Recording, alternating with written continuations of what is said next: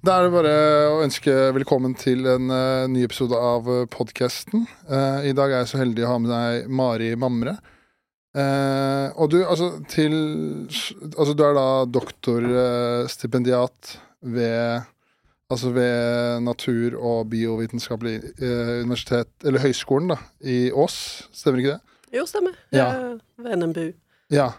Eh, jeg tenkte, altså, Og så har du ekspertise innenfor boligmarkedet, blir det riktig å si?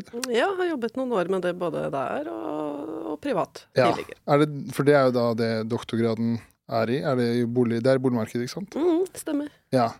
Eh, jeg tenker kanskje, Har du lyst til å på en måte presentere deg selv før vi liksom går inn i detaljer og sånn? Ja, det kan jeg gjøre. Ja. Så jeg har jo øh, litt uh, Fått lov til å være litt sånn fagnerd i boligmarkedet ganske lenge, da. ja.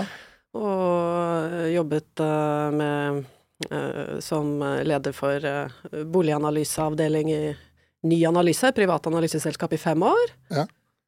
Og så uh, dukket det jo opp en sånn doktorgradsstilling uh, og, og, det var en av de første som var sånn spissa rettet mot akkurat det, ja. for noen år siden, på NMBU. Og da uh, har jeg jo vært der og, og, fått jobbe mer med forskning, og gått enda dypere inn i, i feltet noen år. Og, så undervist litt i relevante fag, og, og fulgt med, og også vært litt sånn høyt og lavt uh, ja, ja. I, I, sektoren i tillegg. Ja, så kult. Eh, sånn som når, eh, så som når forsker, da, sånn som du har drevet med på boligmarkedet og sånn, hvordan ser en vanlig dag ut for deg da? Nei, nå er jo eh, dagene ofte veldig varierte, men det blir jo mye å sitte på litt sånn lange prosjekter når det gjelder doktorgradsarbeid og, og forskning, da. Mm. Så til forskjell fra eh, rapporter og, og, og kort, som har litt kortere tidsfrister, så er det jo gjerne mange runder eh, med eh, journaler og en del instanser før en kan på en måte være helt sikker på at dette her er forskning som tåler tidens tann. Ja, ikke sant. Ok, ja. for det, det, er jo Jeg føler Det vet jo kanskje du Det vet du åpenbart bedre enn meg, for det er kanskje sånn interessant tid for boligmarkedet akkurat nå. For det var jo Du var inne på det rett før vi starta, men det var jo eh, det var fra eh, september i fjor til desember, så var det da en tydelig Altså, det var boligmarkedet Eller det sank, boligmarkedet sank. Var det Jeg fant noe tall 5% eller noe sånt, var det det? Eh, og mens nå, de første månedene av året nå, så har det jo steget mye mer igjen. Eh, er det noen sånn hovedårsak til det, tenker du?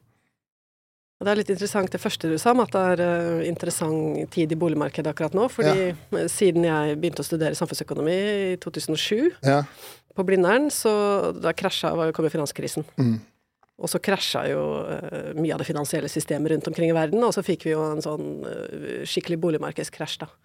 Kanskje ikke i Norge, men den var jo også tydelig her. Og siden da har det egentlig vært på en måte i hvert fall mitt inntrykk, at det har skjedd noe i boligmarkedet hele tiden. Det har vært veldig sånn stor interesse for boligmarkedet.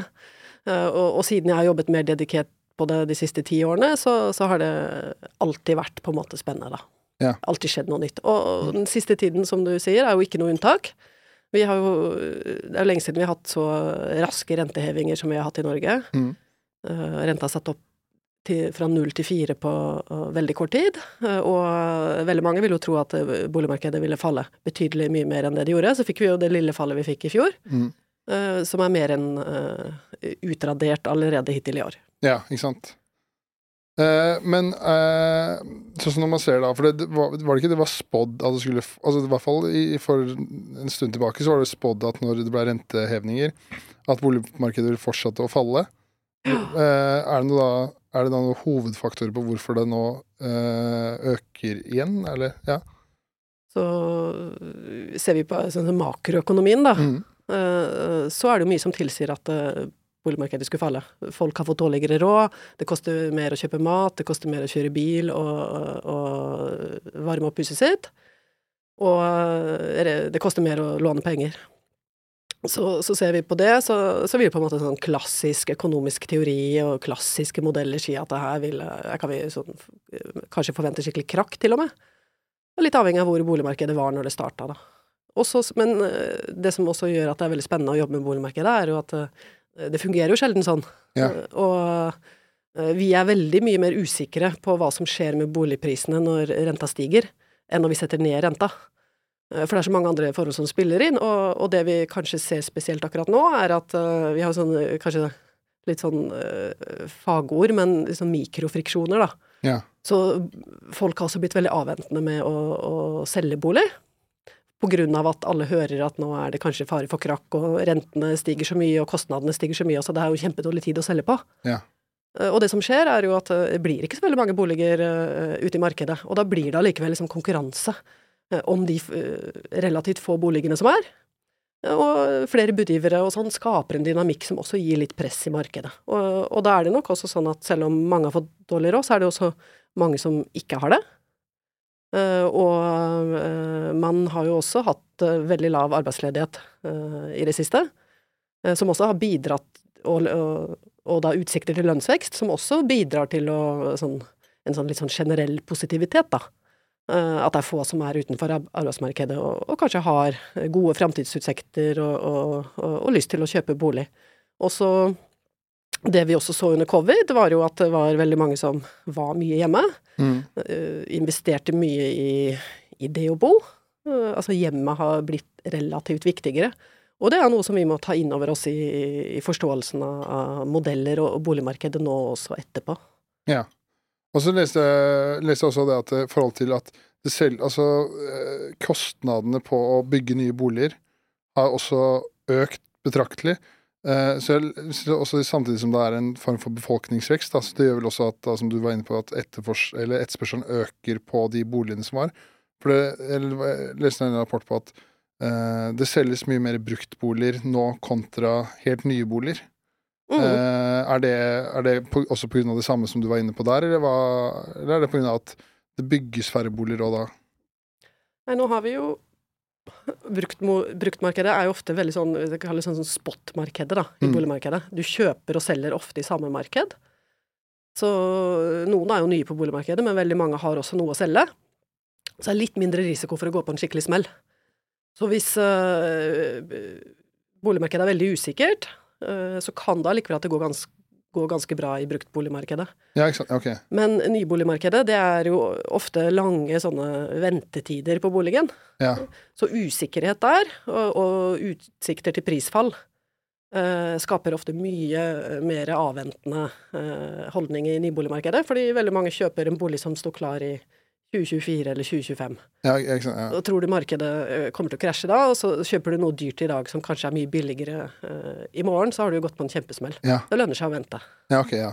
Så det, gjør, altså det blir sånn eh, dominoeffekt på hele det markedet, da, på, mm. på den fronten. Mm. Ja. Eh, og så tenkte jeg også, for det, du nevnte jo er, Jeg tenkte jeg skulle spørre sånn her i forhold til det, det, blir kanskje litt mer generelt, da, men sånn den utviklinga som er i det norske boligmarkedet nå, er det noe man ser over hele Europa, eller er det noe som bare er i, noe spesielt med Norge?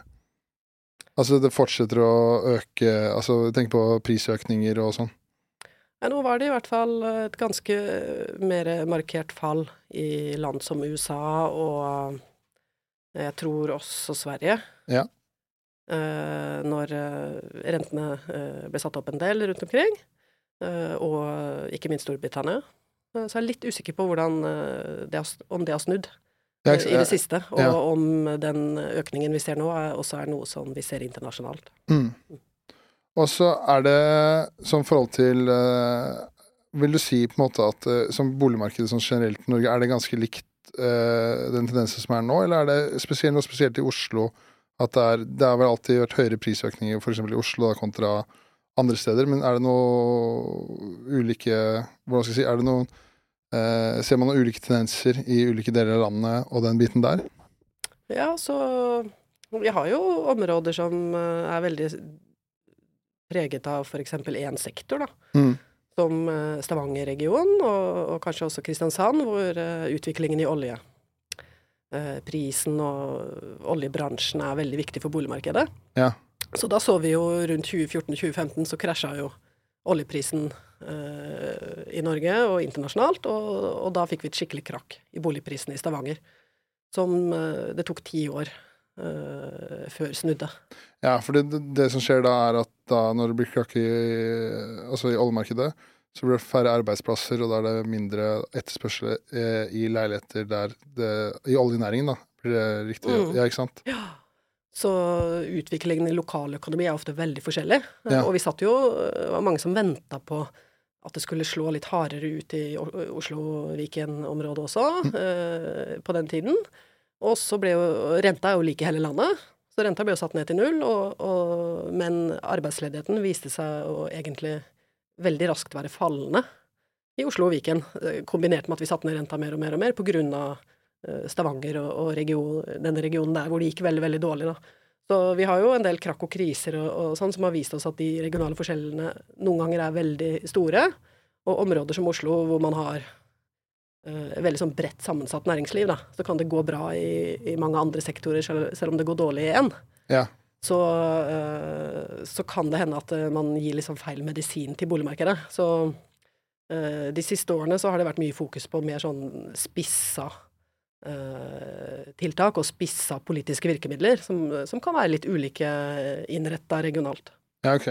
Men når, du, eh, når du sier altså, medisin til, eh, til f.eks. boligmarkedet, da, da er det, da er det snakk om da f.eks. rentehevning, eller, altså, eller, altså øke eller senke renta.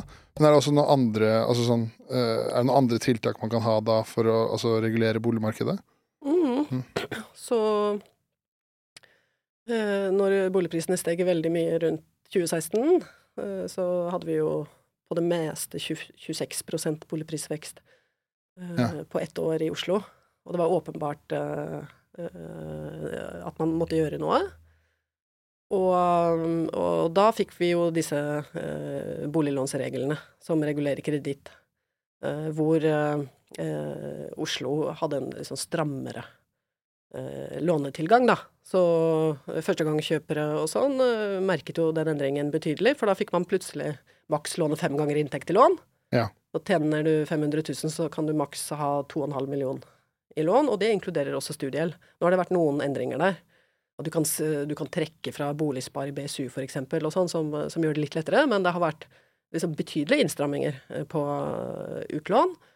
Og, og, og så er det jo også en sånn maksgrense, da, for hvor mange bankene kan gå bort fra de reglene. Og så må du ha så og så mye eh, som du kan eh, liksom når, Etter du har lånt penger, så må du ha så og så mye igjen eh, Ja. til andre ting, som også er ganske begrensende for de som ikke tjener veldig mye.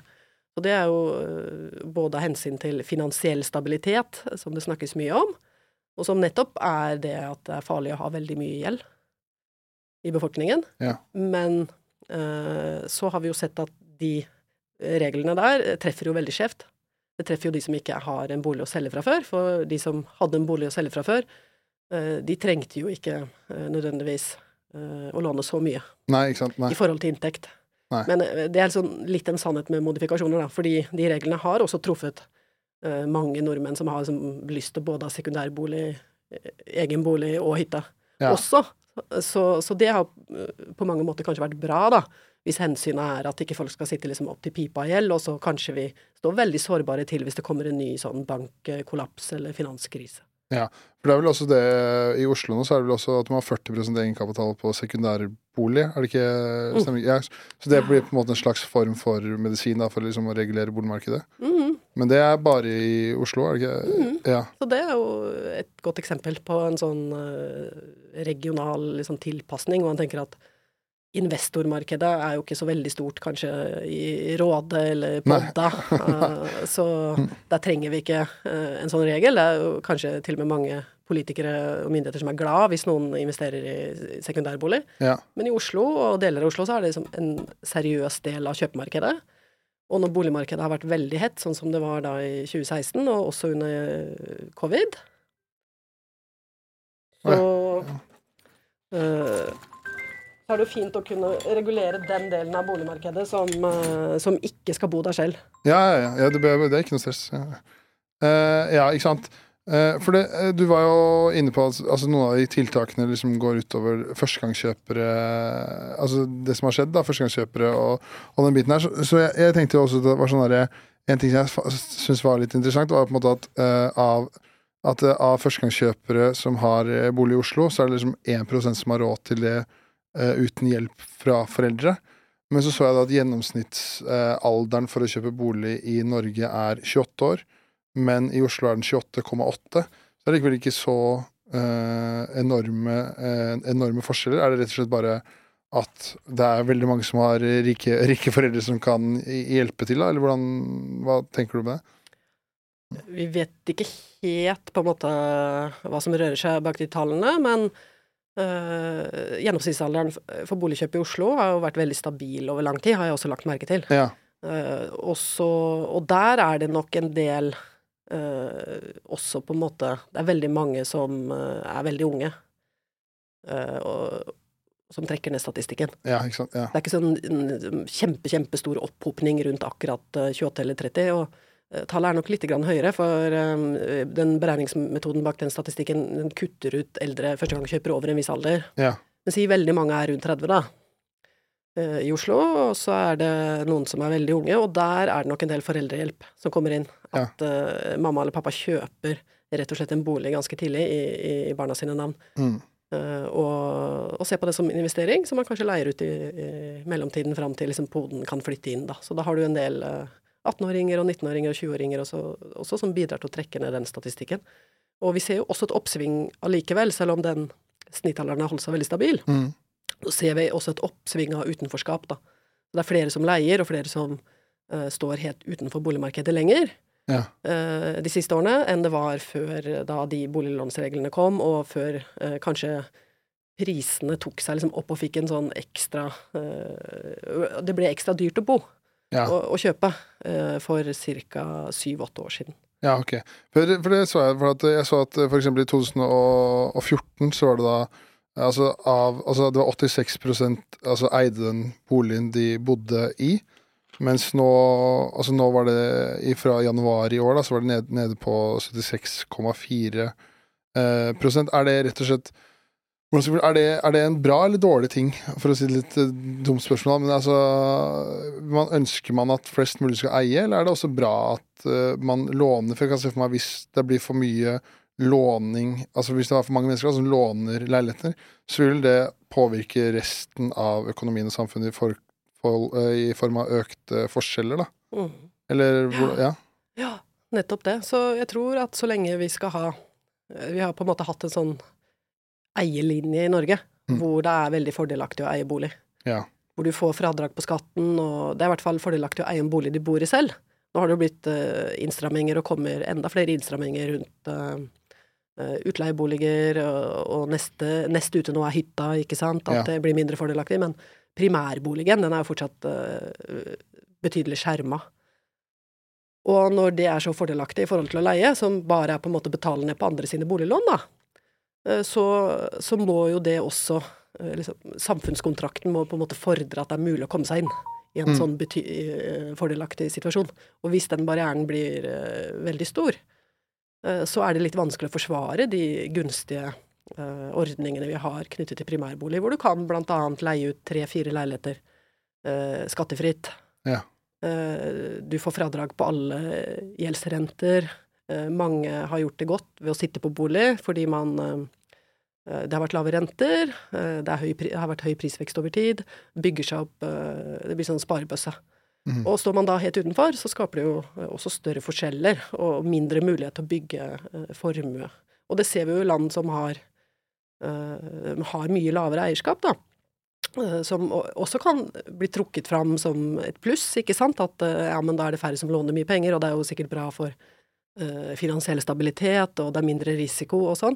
Men så ser vi jo at det er ofte uh, en liksom, mindre uh, elite som eier flere boliger og leier ut til resten. Som nyter godt av at det går bra i boligmarkedet. Så blir jo formuen fordelt på færre personer. Ja. Men vil du på en måte si at det blir, blir riktig å si at de tiltakene man ønsker å gjøre der, altså sånn rent politisk, så er det på en måte sånn høyresiden er vel veldig opptatt av at vi trenger å bygge flere, uh, flere boliger. Mens da f.eks. venstresiden-politikken, nå blir det veldig sånn enkelt forklart, men da, de er vel mer opptatt av å uh, stramme inn på de uh, skattefradragene sånn som du snakker om der. Uh, men er det noe sånn Dere som forsker på det, er det noe sånn klare ta, eller klar tall på hvilken av de to modellene som funker best, eller er det en slags form av at de må gå hånd i hånd? Det er nok ikke noe sånn stor konsensus på det, sånn jeg opplever det. Men, øh, og der er på en måte også uenigheten ganske stor. Men jeg, jeg syns øh, flere og flere er opptatt av høyere boligbygging de siste årene, også i forskningen. Ja. Eh, at man tidligere var mer opptatt av å, å bremse gjeld. Og så har man sett at ja, men selv om du på en måte tyner folks lånetilgang, så det blir mindre gjeld i befolkningen, så får du ikke flere boliger. Og da dukker det opp sånne problemer da, med eierlinja og med det å komme seg inn i markedet, og, og kanskje også øh, større sånn Flere blir ekskludert fra å bo i attraktive områder og de store byene. Så, øh, så forskningen har nok liksom dreid litt mot at vi trenger god tilgang til byene. Mange ønsker å bo øh, i byområder, da, hvis man Mm. tenker liksom litt stort på byregioner og jobbe i byregioner, og det er også et pluss for økonomien og produktiviteten, at mange bor i nærheten av der det skjer veldig mye kunnskapsutveksling og verdiskaping. Ja. Så, og der trenger vi også å bygge boliger. Ja, ikke sant. Det, men sånn som det, eh, når det da blir eh, ofte vanskeligere for yngre mennesker å komme inn på boligmarkedet, som samtidig vil være byen, men byene er vel også avhengig av at det bor unge mennesker der. For det er vel sånn forhold til eh, åssen jobber unge mennesker som er studenter, og som kanskje jobber på butikk og sånn, så det er vel ofte mange av de som kanskje er utenfor boligmarkedet, som også er med å drive byen framover, da, blir det riktig å si. Eh, for hvis det ikke er noen eh, hvis, de, altså hvis alle de med lavtlønnede yrker da ikke har råd til å bo i Oslo, eksempel, da, da går vel Oslo under til slutt, eh, på en måte? Eller, ja. Mhm.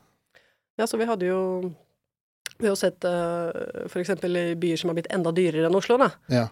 Eh, sånn som London, så hadde vi jo et fall i eierratene til 20- og 30-åringer som var helt sånn dramatisk etter finanskrisen. Eller rundt den tiden. Eh, og, eh, og hatt i flere omganger, da. At det sånn faller sånn En tredjedel brått har ikke råd. Og, og da har vi jo sett i forskning at det har gitt veldig mye færre unge folk i byene. Man snakker jo litt om sånn forgubbing av sånne områder. Ja. Og da har det jo kommet en del uh, nye tiltak da, for å lappe på det. Så, vi, så man ønsker jo på en måte lav, lavere prisvekst, og så har det kommet veldig sånn innstrammende tiltak. Og så oi, nå var det ingen som hadde råd til å bo her lenger. Uh, og, og markedet har jo på en måte levd litt sitt eget liv, ikke sant, med at prisene har steget og steget og steget i veldig attraktive områder. Og så uh, har man kommet inn liksom etterpå og sagt at ja, men da må vi jo regulere litt her, da. Og så er det jo mange som har prøvd seg litt fram med sånn leie til eie og og holde deler av boligmassen i f.eks. London og New York bare til affordable housing. Ja. Hvor bare førstegangskjøpere og folk med dårlig råd også skal kunne bo i attraktive områder. Og det er jo eh, virkemidler som vi også prøver ut i Oslo nå om dagen. Blant annet eh, Obos har vel det gående nå fra leie til eie-prosjekt, har ikke det gående nå? Mm, Og jeg tror de sier at eh, så mye som 70 av boligene de eh, skal bygge i Oslo fremover, skal være retta mot uh, førstegangskjøpere og sånne sårbare grupper. Og det er en ganske dramatisk endring i forhold til tidligere, hvor de har uh, solgt boliger til markedspris, da, i et fritt Ja. marked. Og nå går de veldig inn for å på en måte få en sånn sosial profil, hvor de skal hjelpe unge inn i, i boligmarkedet. Og det er veldig interessant at det er dette kommer på en måte fra markedet selv, istedenfor fra uh, kommunen eller, eller det offentlige. Men kan, kan du bare sånn kort forklare altså sånn, Hvis det noen ikke vet det, men folk kort forklare fra leie til eie-prosjektet til Obos? Ja, så da er det jo sånn at uh, istedenfor å gå inn i leiemarkedet, så kan du Eller deleie har de også da, så litt sånn ulike innretninger på det. Men istedenfor å bare leie, uh, så kan du kjøpe deler av boligen, typisk. Uh, jeg tror det er minimum 50% Og så uh, leier du fram til du eventuelt har betalt ned da resten. Ja. Så du leier og har en opsjon på øh, kjøp. Og så så jeg vel leste i forhold til det, med, forhold til det også sånn andre tiltak. Derfor jeg tror jeg var på forskning.no, så leste jeg en artikkel av deg hvor du eh, annet refererte altså til hvordan man skulle få flere førstegangskjøpere og unge mennesker inn på boligmarkedet. Hvor du refererte til f.eks. noe man eh, gjør i Australia, f.eks. Eh, kunne du bare snakka litt om det, eller ja? Så øh, jeg syns jo at øh, det har vært, ikke vært så mye fokus på uh, så, Som det kanskje burde vært, Mm. på uh, førstegangskjøpere, og, og, hvor vanskelig det har vært for de som ikke får foreldrehjelp uh, i Norge. Og mange av virkemidlene er på en måte bra i seg selv, men hvis man ønsker å ha unge i byene, og, og ikke ønsker den utviklingen som har vært med fallende eierrater i den gruppen, og at flere er utenfor, da, så så kan vi jo gå litt mer sånn direkte inn og, og hjelpe på egenkapitalbiten. Og så for ganske mange så er jo nettopp det å ha 15% egenkapital en ganske stor barriere, for hvis du skal leie, og har kanskje blitt litt grann eldre og har store utgifter, og, og leier en uh, bolig for 11-12 kanskje 15 000 i Oslo, ja. det er ikke så lett å spare opp uh, 400 000-500 000 egenkapital.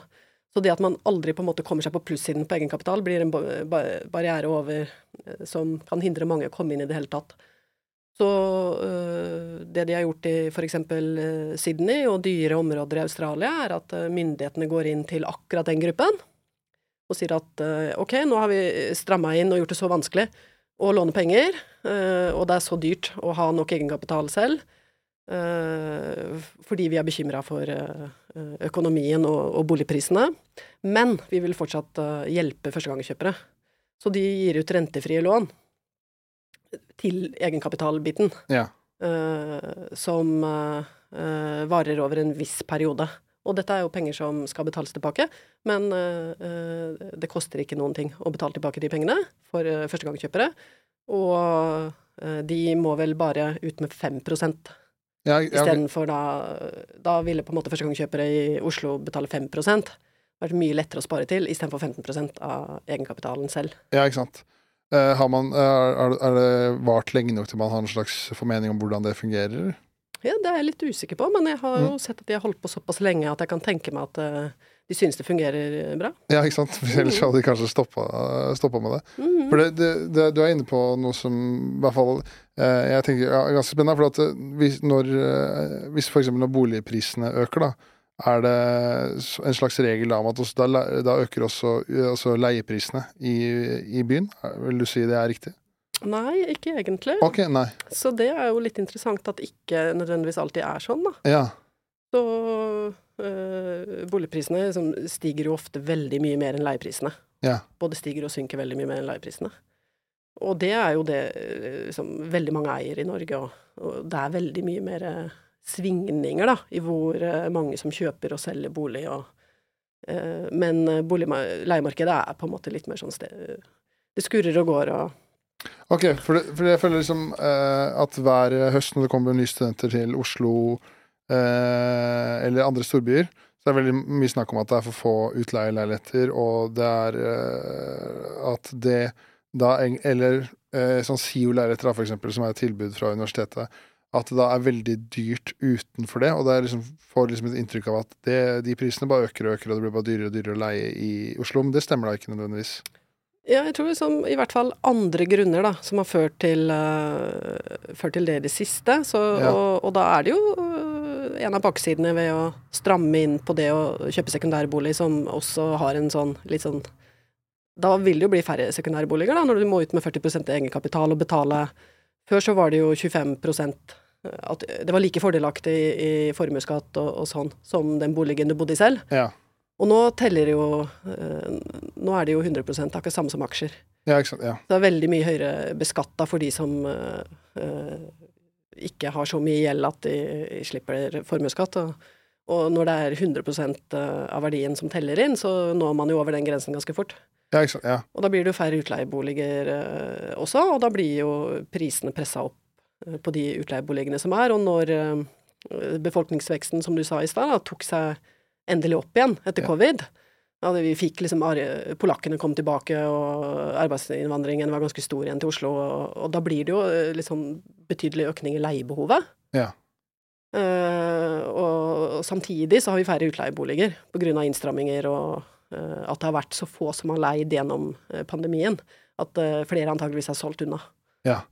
For jeg så det at det var vel tall fra det, ut, det selskapet Utleiemegleren, at fra januar 2022 til januar 2023 så hadde da altså en prisvekst på altså leiekostnader på 9 i, i Oslo. Mm. For der, De hadde vel da 17 000 leiligheter. Mm. Og det, det, det merker, merkes jo.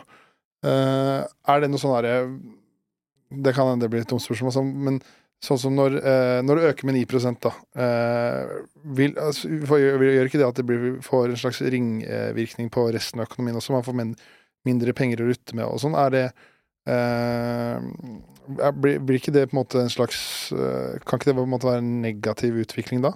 Ja. Vi kan jo se for oss eh, liksom, litt den gruppen igjen som står utenfor og prøver å spare nok egenkapital, da, ja. som ikke har noen mulighet til å låne til den egenkapitalen. Ja, ja. Uh, og før var det sånn at man faktisk kunne ta opp dyre forbrukslån og gjemme det ja. for banken man lånte penger av. Ja. Jeg har jo uh, vært en av de som har gjort uh, det til en viss grad selv. Ok, ja. Og så for det er vanskelig å stille så tidlig i karrieren med nok egenkapital. Og så Ja, ja. før så, så var det jo ganske mange som lappa inn denne egenkapitalen med litt sånn dyr forbrukslån, og så i mitt tilfelle betalte den veldig raskt, da, så det slapp å bli så veldig dyrt. Og så kom jo gjeldsregisteret, da, sånn at dette her ikke skulle, lenger skulle være mulig for noen år siden. Så nå er på en måte øh, Nå vil jo alle se at du har tatt opp det lånet, og så øh, er de ikke så veldig villige til å gi deg øh, boliglån allikevel, Nei. når du sitter på høyt forbrukslån. Nei, nei. Så nå er det på en måte sånn du må spare, eller så må du få den. Du må Ja. spare opp alle de pengene, eller så må du få eh, hjelp hjemmefra. Og det Ja. er ikke, du får ikke gjemt Du kan ikke gjemme deg noe sted lenger. Eller, så og, og den gruppen her, eh, som i tillegg da betaler mer og mer og mer i, i leie, Mm. det vil jo være enda vanskeligere også å spare. Ja. Men eh, det jeg tenker i sånn forhold til eh, eh, Også for den gruppen nå, da, når du, du var inne på det i stad, men som forhold til at eh, studielån da, går mot egenkapitalen eh, det, blir- det virker å si det, gjør det ikke det? For jeg mener husker når jeg kjøpte, skulle kjøpe leilighet, så var det sånn ja, du har så og så mye i studielån, og det går mot egenkapitalen. Og det, for det, når, i hvert fall man er i student, da, og kanskje ikke studielånet øker, og man kanskje ikke får jobba så mye, og utgiftene øker, så er det jo da bare enda vanskelig, som kanskje gjør at eh, man over lengre sikt kanskje vil si at gjennomsnittsalderen på når man får kjøpt bolig, spesielt i Oslo, kanskje øker, da, eller? Ja, jeg Vi er jo flere som har lurt litt på hvorfor gjennomsnittsalderen ikke har økt Ja. mer enn den har. Eh, Så vi er litt usikre på hva som eh, skjuler seg liksom bak de tallene i forhold til akkurat dette her med foreldrekjøp og, og, og de som trekker ned snittet, da. Det ville vært veldig interessant å se eh, gjennomsnittstall på førstegangskjøpere som kjøper bolig alene. Eh, og det mistenker jeg at det er eksempel et tall som har økt mye mer okay, ja. enn en, eh, foreldrekjøp. Og da er det jo litt sånn at eh, siden boligprisen har steget veldig mye i Oslo over lang tid, og mange steder i Norge, så er det jo veldig mange eh, formuende foreldre også. Så det genererer jo litt eh, ringvirkninger gjennom flere og flere har mulighet til å hjelpe barna sine med boligkjøp. Eh, så, som igjen ofte da vil trekke ned den gjennomsnittsalderen, da. Så Eh, Og det er jo positivt for de som har det, så da er det jo litt sånn igjen av de som ikke har det, og kanskje foreldrene også er i leiemarkedet, og så du, får du liksom dobbel uflaks, da, gjennom at prisene har økt såpass mye som de har, fordi alle andre bidrar til å dra det opp, som har vært i boligmarkedet så lenge, og så, og så blir det dyrere liksom på alle fronter, og så har du sånn øh, ingen steder å gjemme deg og låne dyre penger, og så øh, har du uh, mye, uh, mye større regulering enn du hadde før. Men tror du det vil ha noe Sånn som de nye reglene på f.eks. Sekundær, sekundærbolig her i Oslo, det gjør, vel at det er kanskje mindre attraktivt for rike foreldre å kjøpe leilighet til barna sine? Eh, eller? Mm, det kan jo være mindre attraktivt. Ja. Uh, å eie og, og leie ut hvis det skal stå på foreldrene. Ja. Men uh, siden dette kommer inn på en måte i statistikken, så regner jeg med at det står på barna, at de er på en måte over 18. ja, ikke sant? Ja. Og da vil det jo ikke slå inn på foreldrene sin økonomi. Så da er det jo på en måte poden da, som leier ut. ja. Og sikkert har ikke noe særlig annen formue, og sitter på det der eh, Sitter på eh, kanskje også gjelden. Så, så her er det mulig å gjøre tilpasninger som, som fortsatt gjør det attraktivt å kjøpe bolig til, til eh, poden, da. Ja. Men så leste jeg også sånn, eh, som jeg tenker kanskje var, eh, kunne vært spennende å ta opp sånn det er, vel et, er det ikke et nytt eh, skatteforslag inne nå om at man skal bli beskatta en slags leie altså Veldig sånn enkelt forklart, en slags leie, leie til staten for at du eier leilighet. Mm, Eh, kunne du bare forklart litt rundt det? mm. Mm. Og det er jo akkurat den tankegangen at er det, er det kanskje for fordelaktig å eie Ja. framfor å leie? Altså og, øh, og da er det kanskje mulig å, å ta mer av det overskuddet som ligger der, da. Mm. Så ideen bak den tankegangen er jo istedenfor å kanskje gjøre det lettere øh, å komme inn, øh, at man gjør det mindre lukrativt å være inne i boligmarkedet. Uh, og det blir jo også uh, en måte å på en måte gjøre det Redusere litt sånn forskjellene. Uh, så man kan si at man kan jo enten fortsette å ha det liksom veldig attraktivt å eie bolig, og prøve å dytte flere inn, eller man kan gjøre det mindre og mindre attraktivt. Og så vil det ikke bli så stor forskjell mellom de som står utenfor og de som er inne. Og der er det jo en del diskusjon rundt hva som er best. Har du nå tanker om hva du tenker er best rundt det, eller? Det er kanskje vanskelig Ja, det, det, kommer litt an på hva man vil. Ja. Så nå har vi jo eh, vært i en eh, situasjon med liksom veldig sånn høy kostnadsvekst på mange fronter. Eh, også rettet mot bolig, eh, spesielt i Oslo. Eh, at eh, mange flere betaler mye mer formuesskatt nå i 2023, og ikke minst vil det øke mye i 2024. Ja. På grunn av veldig mange innstramminger, da. Eh, knyttet til eh, all type eiendom, og eiendomsskatt. Eh, det startet jo som en sånn skatt for noen få boliger i Oslo, og nå er det jo over 50% Du kommer til å betale eiendomsskatt, og mange betaler, kommer til å betale mye mer eiendomsskatt. Det har vært en del innstramminger, og dette kommer jo også på toppen av det vi har snakket om tidligere, med kostnadsvekst og økte renter og sånn. Så, så som timingen nå, at nå skal vi innføre ytterligere skatt, det kan jo være en god Eh, det å gjøre det litt over tid. Men det kommer veldig mange eh, ting oppå hverandre som genererer litt sånn økte kostnader, da. Ja. Så, så, så jeg er usikker, men eh, jeg syns jo kanskje alt dette her bør som ses i sammenheng. Ja, ikke sant. Ja. Uh, men eh, sånn som for, for ditt ståsted, å si for eksempel at eh, jeg vet ikke om du har noen formening om det, men sånn forhold til Si at du var diktator da for en dag. Hvilke tiltak eh, ville du hovedsakelig eh, gjort for å få flere førstegangskjøpere og unge mennesker inn på boligmarkedet? Da ville jeg ha tatt en sånn ordentlig opprydning i alle de barrierene som er i forhold til eh, boligutvikling og boligbygging rundt storbyene, og mm. særlig Oslo-området. Og prøvd å få i gang liksom langsiktige samarbeid. At det ikke er sånn veldig sånn fiendtlig innstilling som vi ofte ser da, mellom utbyggere og kommunen. Ja hvor kommunene er liksom satt på spissen, tror at utbyggerne liksom bare skal tjene penger er kapitalister, og, og, man blir veldig opptatt av å uh, regulere og regulere og regulere for å uh, ivareta veldig mange hensyn. miljø, og det skal være bilfritt, og det skal være eh, arkitektur som liksom er, eh, inneholder tidsdybde, og det er utrolig mange hensyn. Og det er veldig sånn lange demokratiske prosesser hvor naboer og alle skal få lov til å Eh, påvirke. Og, og da syns jeg at eh, målet om på en måte å bygge byen og ha på en måte ordentlig sånn utvikling og høy vekst, og, og bygge boliger til, som folk har råd til, at det har kommet eh, i skyggen. Så hvis ja. jeg hadde vært diktator for en dag, så ville jeg satt det høyere på agendaen og sagt at det er kjempeviktig med arkitektur og sånn. Vi, vi trenger ikke å ha det i alle prosjekter. Vi trenger også volum. Ja. Så nå skal vi bare slå igjennom, og så skal vi uh, få mer fart på dette her. Bygge, bygge, bygge. Og bygge, bygge Stor-Oslo. Ja. Både med tanke på infrastruktur, at det er lett å reise kanskje uh, fra området litt utenfor byen og inn. og også da at det blir på en måte flere boliger, da.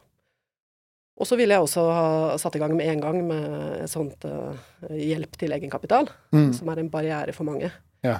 og så syns jeg det er veldig mye spennende som har skjedd på Og tror også det kan ha verdi. å holde av kanskje deler av boligmassen i veldig attraktive områder til førstegangskjøpere. Og det tror jeg kan være viktig for store byer på sikt.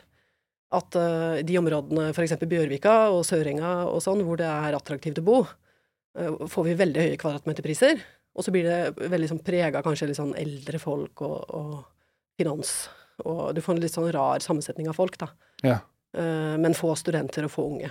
Eh, og holde eh, områder hvor vi regner med at det kommer til å bli høyt prispress, til førstehjemsboliger. fordi man ønsker en sånn type sammensetning også i attraktive deler av byen. Ja, så, så, det du tenker da er f.eks. at uh, man bygger nye leiligheter, f.eks. på Bjørvika eller Søringa, som uh, førstegangskjøpere har råd til å, å, bo i, da. Blir det, mm. blir det, riktig å si? Ja. Så, ja. Sånn som man gjør det i, i noen byer hvor det er veldig dyrt, så de tomtene hvor kommunen eier tomta, eller når kommunen kommer inn og skal på en måte godkjenne uh, en utbyggingssøknad, så kan man også påvirke. Og da kan man si at her, ok, her kan eh, de som skal vinne uh, anbudet her, de må sette av minimum 30 til uh, førstehjemsboliger. Ja. Og det er boliger som bare førstehjem, uh, førstegangskjøpere skal kunne kjøpe. Og da må det være en eksempel, de må gå for maks 80% av markedspris. Ok, ja, ikke sant. Eller 70 av markedspris. Ja. Sånn. Det må være noen Uten å detaljregulere for mye, så, så finnes det en del erfaring og mange mulige måter å gjøre det på, som gjør at eh, vi får de boligene til yngre folk på de områdene også. Men vil ikke, hvis man da har de, de leilighetene med førstegangskjøpere, vil ikke det da kanskje påvirke de, altså de boligene som allerede er til stede der? Eller er det da, blir, blir, blir det ikke sånn da fordi man er, alle er klar over ok, det her, kun, det her gjelder da kun førstegangskjøpere, så, så si at f.eks. en naboleilighet, altså en leilighet da går for fire millioner, så vil ikke den prisen påvirke en annen leilighet, f.eks. på Søringa, da, pga. at man er klar over det tiltaket, eller har ikke det noe å si? Jeg tror nok det, som du var inne på, da, at det er litt sånn viktige effekter av å gripe inn. Ja. Og, og, regulere for mye, som man også skal være klar over.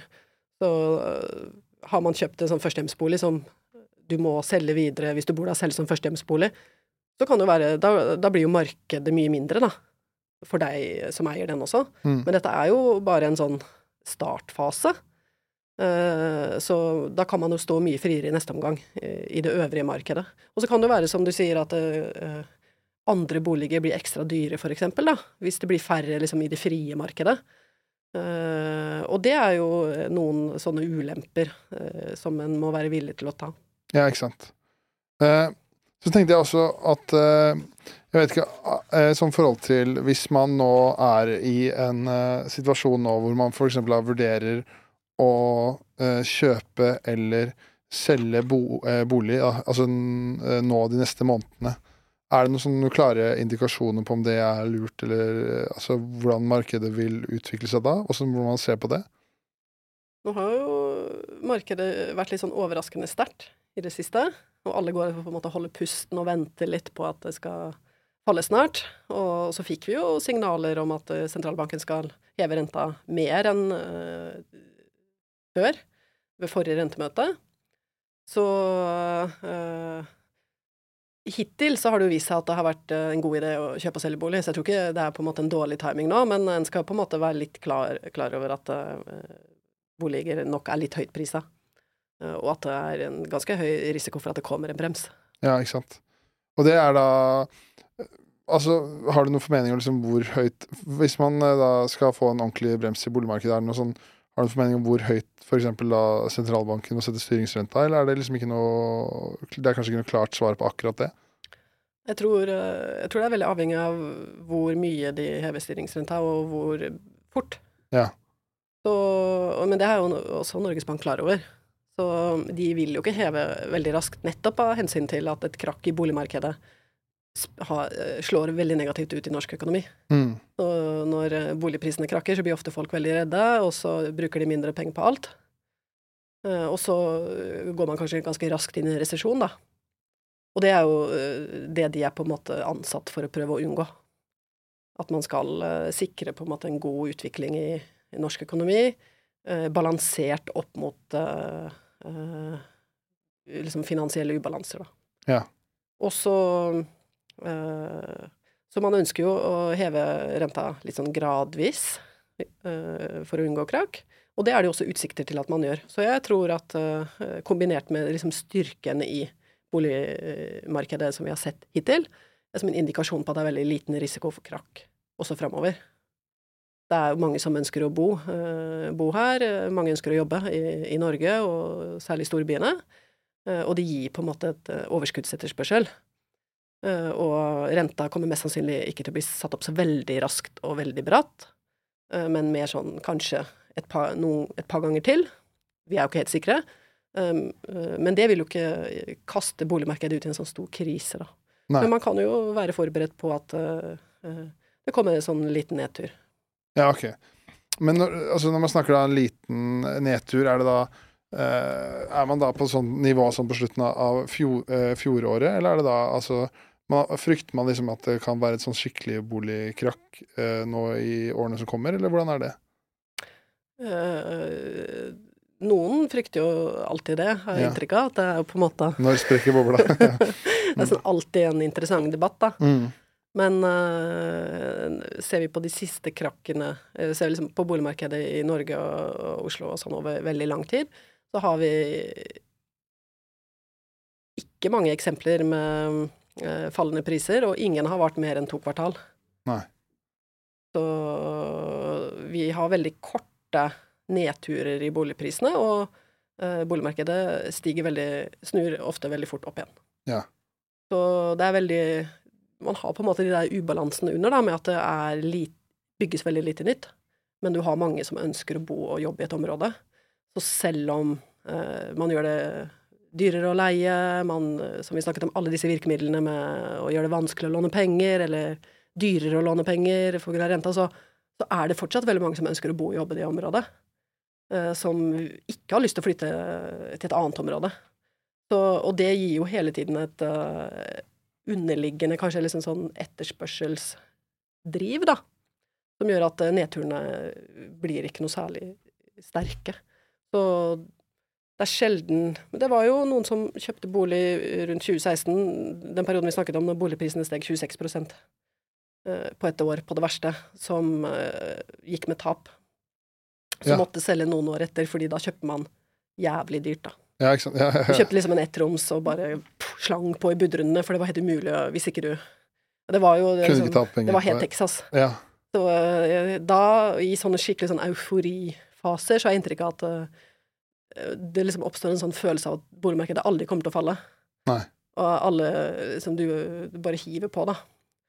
Og da er det jo folk som taper penger. Men jeg, det er mulig Jeg bare føler at uh, det er Kanskje ikke det er noe og spesielt med Norge i det hele tatt, men jeg bare føler sånn som Hvis man for eksempel altså, sånn, hører sånne uh, Hvis man ser, hører på en podkast med sånn økonomiguru i, guru i USA, da, for eksempel, så er det sånn herre Nei, altså, leiligheter, det er liksom the American dream, det liksom, men det er kun lagd for banker. Altså, det er veldig mange som uh, snakker om at uh, noe av det dummeste du kan gjøre med pengene, er å kjøpe en, en hus eller bolig. I hvert fall sånn jeg har sett sånne guruer. Man mener at det er mye bedre å investere i, i, mark, altså i aksjemarkedet og sånn. Mens i, i, i, så jeg får liksom bare inntrykk av at i Norge så er det sånn der Norge må ha liksom vært en av de boligmarkedene med mest vekst, da, hvor det har vært tryggest å ha pengene sine i eiendom. Eh, er det Vil du si det er riktig? Altså sånn Eller? Det er nok litt sånn uh, myteomspunnet også hvor fordelaktig det er Ja. i, i Norge. Fordi eh, vi Det er jo mye vedlikehold og, og, og pussingskostnader og, og sånn som ofte liksom på en måte ikke blir tatt inn nok da, i den beregningen, når vi i tillegg ikke har like høy vekst i, i boligprisene. Eh, så nå er vel Oslo typisk steget sånn femgangen de siste fem årene, men før så lå vi liksom på tigangen. Ja. Og så øh, så Og så er det jo også stadig flere som på en måte kjøper i veldig dyre faser. Så det er nok litt Og mange har jo ikke mulighet til å leie ut egen bolig heller, og, og nyte på en måte de gevinstene der, da. Fordi du, har du en torom, torom, så er det på en måte litt begrensa hva du Du bor der og, og betaler de kostnadene som er, og er heldig hvis du på en måte går i pluss når du selger.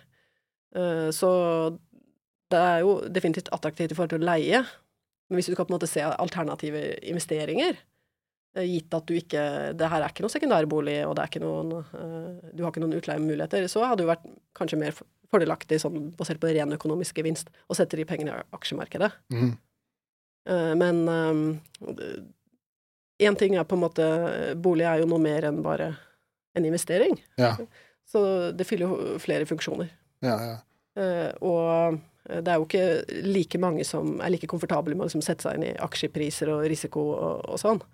Og, og, men det er jo de Jeg har også sett noen av de som på en måte Nå er de så sikre på at det kommer et krakk, så nå selger de alt, og så leier de en periode, for da Hvis du på en måte treffer på krakket, da, så kan du jo selge dyrt, og så kan du kjøpe deg mye billigere, men der har jeg sett veldig få suksesshistorier.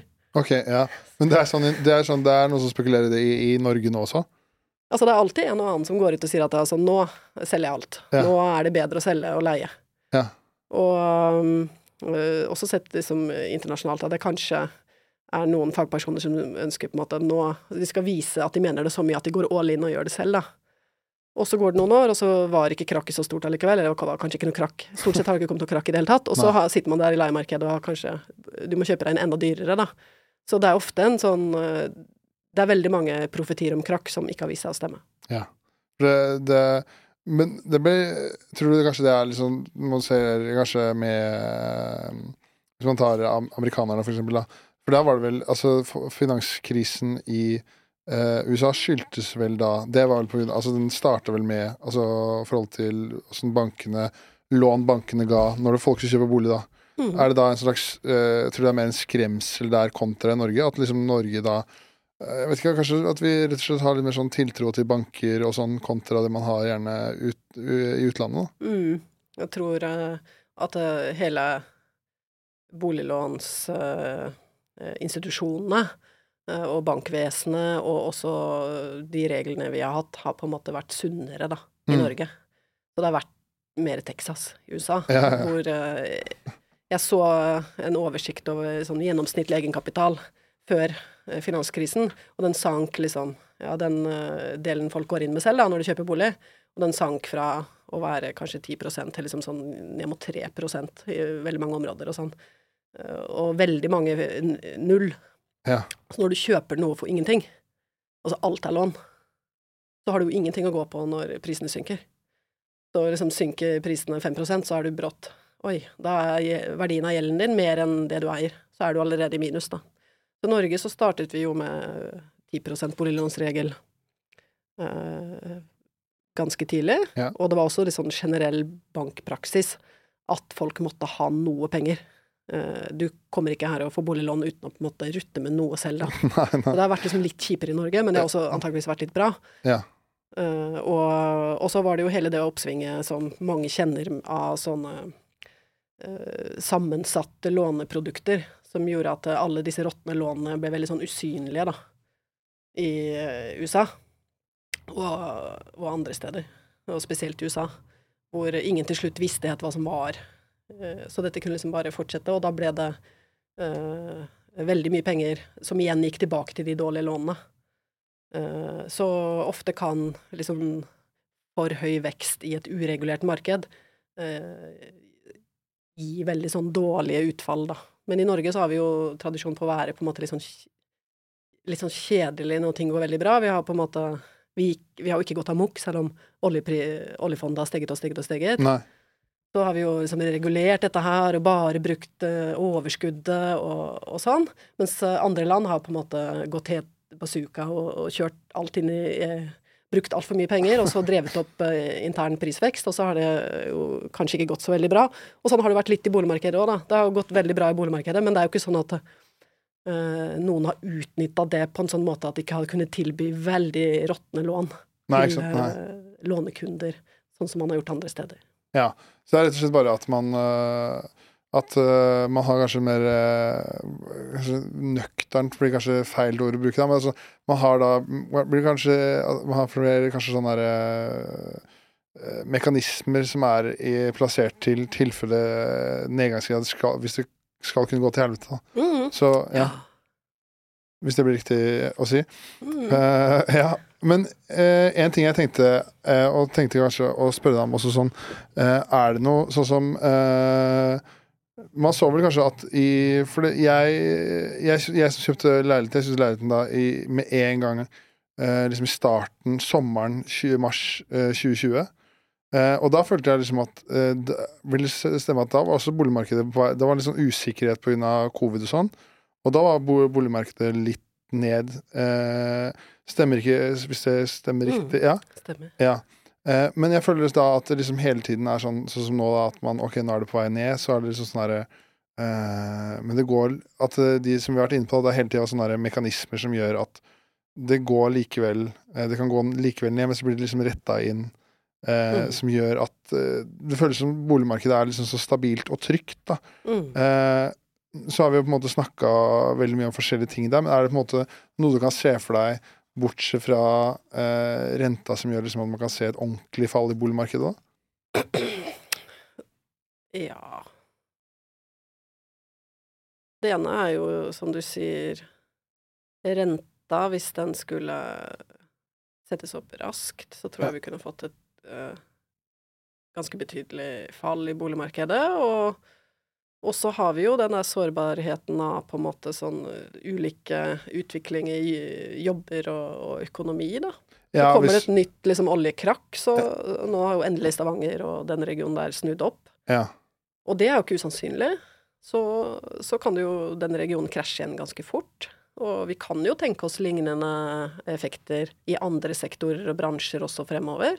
Uh, så uh, og hvis vi virkelig på en måte får fart på Og så det blir ofte sånn Alt henger sammen med alt, da. Så hvis vi virkelig får på en måte fart på boligbyggingen, eh, og så, eh, og så inntreffer det noe eh, Parallelt, liksom, så har vi stramma inn på at det er mindre fordelaktig å eie, og veldig mange får veldig mye skatt. Ja. Høyere eiendomsskatt, høyere formuesskatt, og og så kommer det på en måte et negativt sjokk da, i økonomien. Uh, enten er det som leder til at det kanskje blir mindre attraktivt å bo og jobbe i, i Norge og storbyene, fordi jobbene blir borte. Så tror jeg vi kan få et uh, ganske betydelig krakk. Men det virker jo Det er veldig lite sannsynlig, da? Eller det, vil du si det? Ja, det er jo lite som tyder på det nå. Ja. Så vi har på en måte veldig god trøkk i norsk arbeidsliv og lav ledighet og høy tilflytning. Og ikke noe særlig fart på boligbyggingen rundt spesielt Oslo. Nei, og, og, de underliggende ubalansene der gir på en måte et etterspørselsoverskudd, da. Eh, så selv om det kommer noen sånne eh, litt sånn innstramminger og litt dårligere utvikling, så, eh, så er det mye som drar oppover også i bunn. Men uh, dersom det endrer seg, så vil jo sånne type uh, sjokk, da, som vi kaller det, uh, eller veldig sånn negative endringer som skjer raskt, eller en ny pandemi, eller en ny krise, hvem vet, så, så, vil jo kanskje det gi også liksom, et ordentlig krakk i boligmarkedet til slutt, da. Ja. Var det, var det noen gang sånn når dere satt Når covid brøt ut, da, var det, var det da eh, noen liksom, prognoser som var sånn OK, nå går det til helvete? Eller var, mm. Ja, det var det. Mm. ja. Det var jo mange som trodde det. Ja. Men eh, altså, det skyld, var det da eh, liksom forhold til boligmarkedet, tenkte man da fordi at uh, det var, I forhold til at det var uh, mye hjemmekontor, var liksom, at, at samfunnet stoppa helt opp, så folk fikk ikke jobba, som gjorde at uh, hele økonomien da ville synke, som gjorde at boligmarkedet var et resultat av det, eller hva var det grunnen til det? Jeg tror det ofte er sånn når du står sånn på starten av en krise, så er det veldig høy usikkerhet, da. Ja. Og så vet du aldri helt om eh, noe er overprisa eh, inn i på en måte en ny situasjon. Så boligprisene har steget veldig mye i Norge og Oslo, og så får du en sånn type krise. Og vi så jo arbeidsledigheten steg raskt, selv om det viste seg å være veldig kortvarig. Mm. Og det er det jo veldig mange som har jobbet med modeller i boligmarkedet, som vet at det, altså, det er jo dårlig nytt når folk ikke har penger.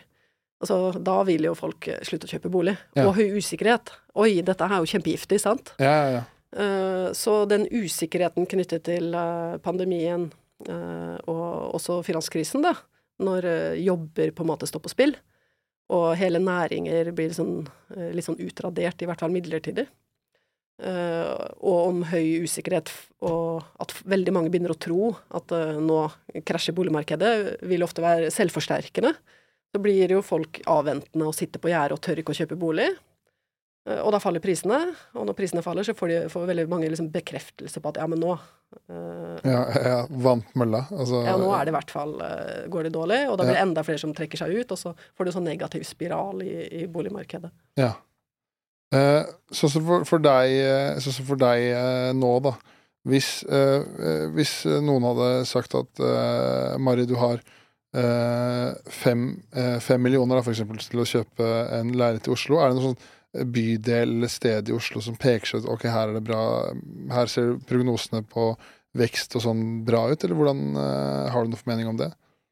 Ja, jeg har jo jeg har på en måte tatt et litt sånn omvendt valg av det du sier nå, fordi jeg har uh, flytta inn på, på Tåsen. Ja. Og så eier jeg bo, en uh, bolig på Holmlia i Oslo. Ja, ja. Og så, og så tenkte jeg ok, nå skal jeg jo leie ut, eller eh, nå skal jeg flytte, så skal jeg leie ut, eller skal jeg selge? Uh, og da kan, hadde jeg solgt, så kunne jeg kjøpt hvor som helst. Ja. For nå blir det på en måte en sekundærbolig, da.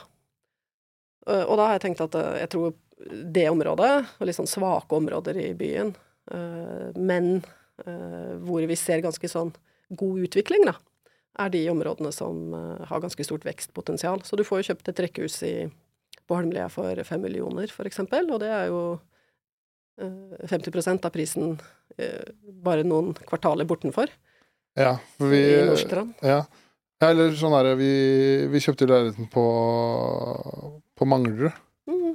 Eh, og det er bare, bare sånn derre fra Det er fra uh, vi, vi betalte 3990. Det er 70 kvadratmeter også tre treroms. Mm -hmm. uh, og når vi fikk da Hadde da Skulle få ny verdivurdering på det, så tror jeg det var eh, 5-1 ja, på, Ja. på, på, bare på Manglerud der. Mhm. Så det er jo veldig tydelig at altså, de eh, blir kalt gamle drabantbyene også er i stor vekst. Da. Det er ikke bare Oslo, Oslo vest. Så de områdene som, som du sier, da, som er relativt sett veldig billige, så ser vi jo stadig flere steder at de har fått et betydelig løft. Ja. Og jo nærmere de ligger på en måte attraktive områder, eh, jo mer løft har de fått. Og også da eh, T-bane og, og kanskje utsikt og sånne ting, da. Ja. Så, og, og den utviklingen tror jeg bare vil fortsette. Så hvis man sitter eh, og vurderer å kjøpe noe kanskje litt sånn usikkert område, eh, eh, så kan man absolutt gjøre noen gode kjøp, tror jeg, for Oslo vil bare vokse utover. Så har man litt tidsperspektiv på det, sånn som jeg har nå. Jeg kan leie ut i tre år, og så skal jeg ta en ny vurdering da. Så tror jeg noe av det beste er å sitte på boliger i sånn billige områder, Ja. eh, og, og de kan stige mest over tid. Men er det, sånn, er det noe sånn herre Har dere noen gang sånn forsket på Det kan hende det var bare en naturlig ting som skjedde, men hvordan liksom eh, Altså hvordan boligmarkedet delte seg i forhold til pris liksom fra østkanten til vestkanten. Hvordan, har du noe forskning på hvordan det originalt skjedde, eller er det bare liksom en naturlig ting at det blei bare Det var bare finere på f.eks. vestkanten av Oslo kontra østkanten, eller hvordan var det, liksom? Jeg tror det ofte er litt sånn selvforsterkende effekter, da. Vi snakker om sånn delt by og gentrifisering, eller at noen områder blir veldig shabby, og noen områder blir veldig bra. Mm. At, eh, så hvis først eh, et område får status som bra, så vil ofte flere eh, folk med mer penger bo der, og så blir det Husene blir liksom mer pussa opp, og, og det blir mer og mer attraktivt, da. Ja. Og da vil enda flere bo der, og så får du et prispress. Og så har du litt den negative spiralen i, i dårlige områder, hvor det, det er lav status å bo der. Eh, få folk med kjøpekraft ønsker å bo der. eh, og du får litt sånn utvanning av hele området, og så blir det kanskje mer sånn slitasje og begynner å se stygt ut. Og så, og så faller prisene eller utvikler seg mye svakere, da.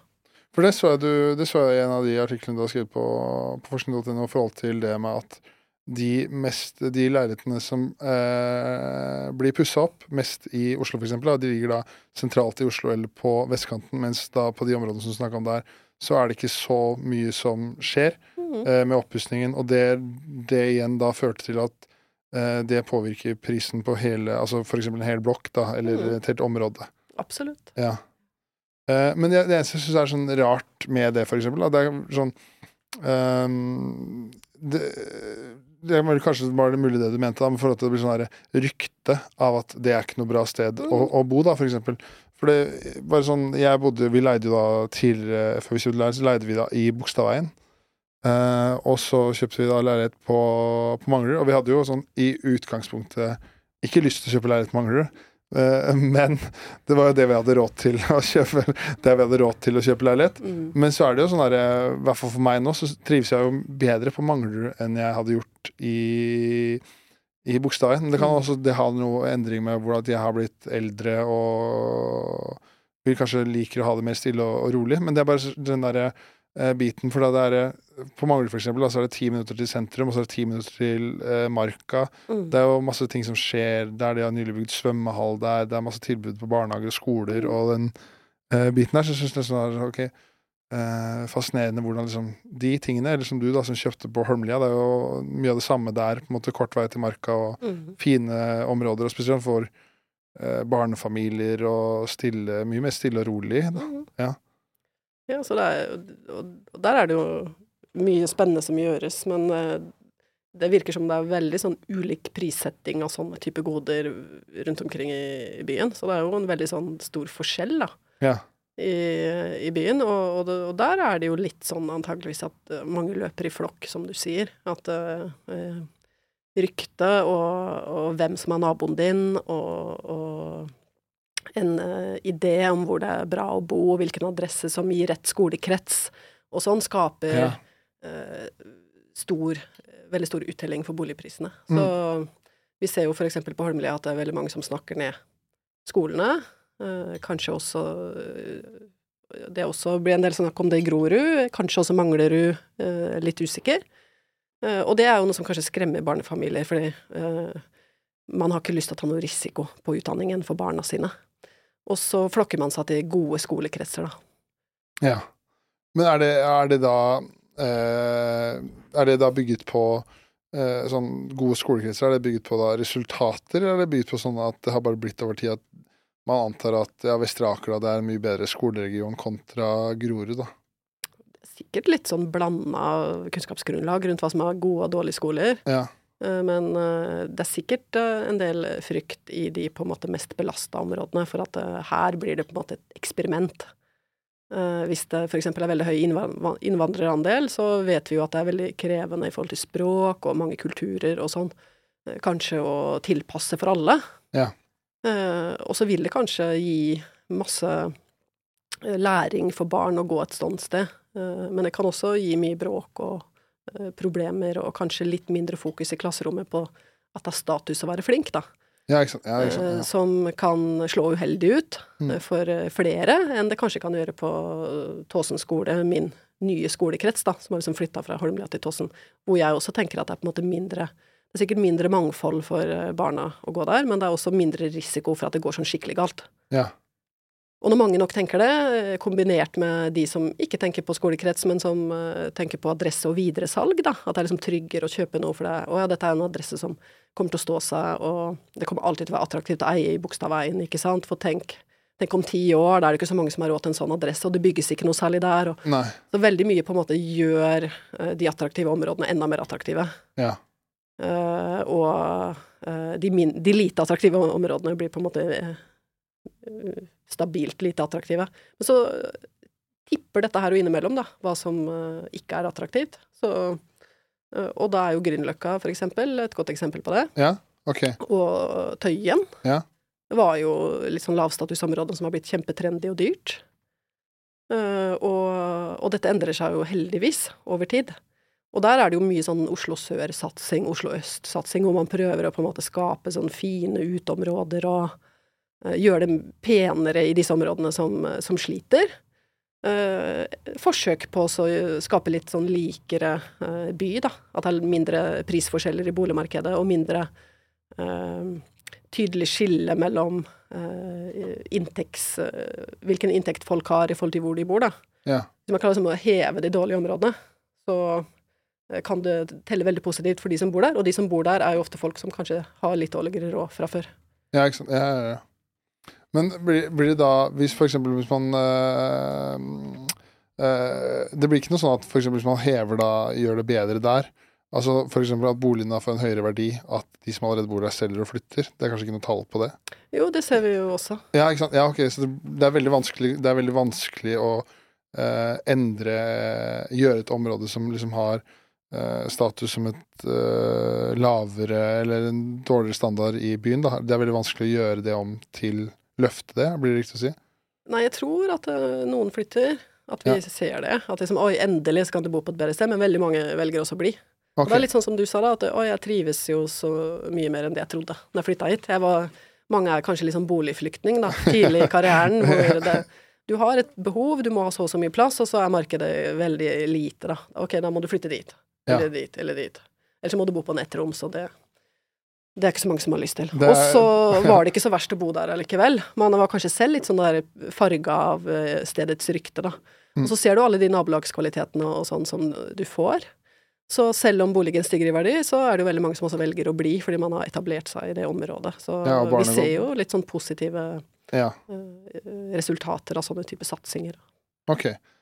Uh, nå har jeg jo Jeg holdt her i litt av en time, men er det på en måte Uh, nå, har du, nå har du måttet svare på mye dumme spørsmål og sånn, da, men uh, er det på en måte noe du bare sånn av Du tenker at folk bør vite om sånn framtidsutsikter og hva du tror kommer til å skje i boligmarkedet, eller noe du føler er, liksom, er viktig å få ut, eller er det Føler du har gått gjennom det meste? Nei, jeg ville i hvert fall vært Hvis jeg var ung, da, og planla å kjøpe bolig og var utenfor markedet, så ville jeg satt på en måte trykket mot kanskje Erna, som vi snakket om i stad, og politikerne som stiller i neste periode på å ha boligpolitikk høyt på agendaen. Ja. At dette har vært et forsømt område veldig lenge, hvor man eh, Det har vært mye snakk om det, og mye følelser, eh, når prisene har steget veldig mye, og så har det munnet ut i veldig lite tiltak.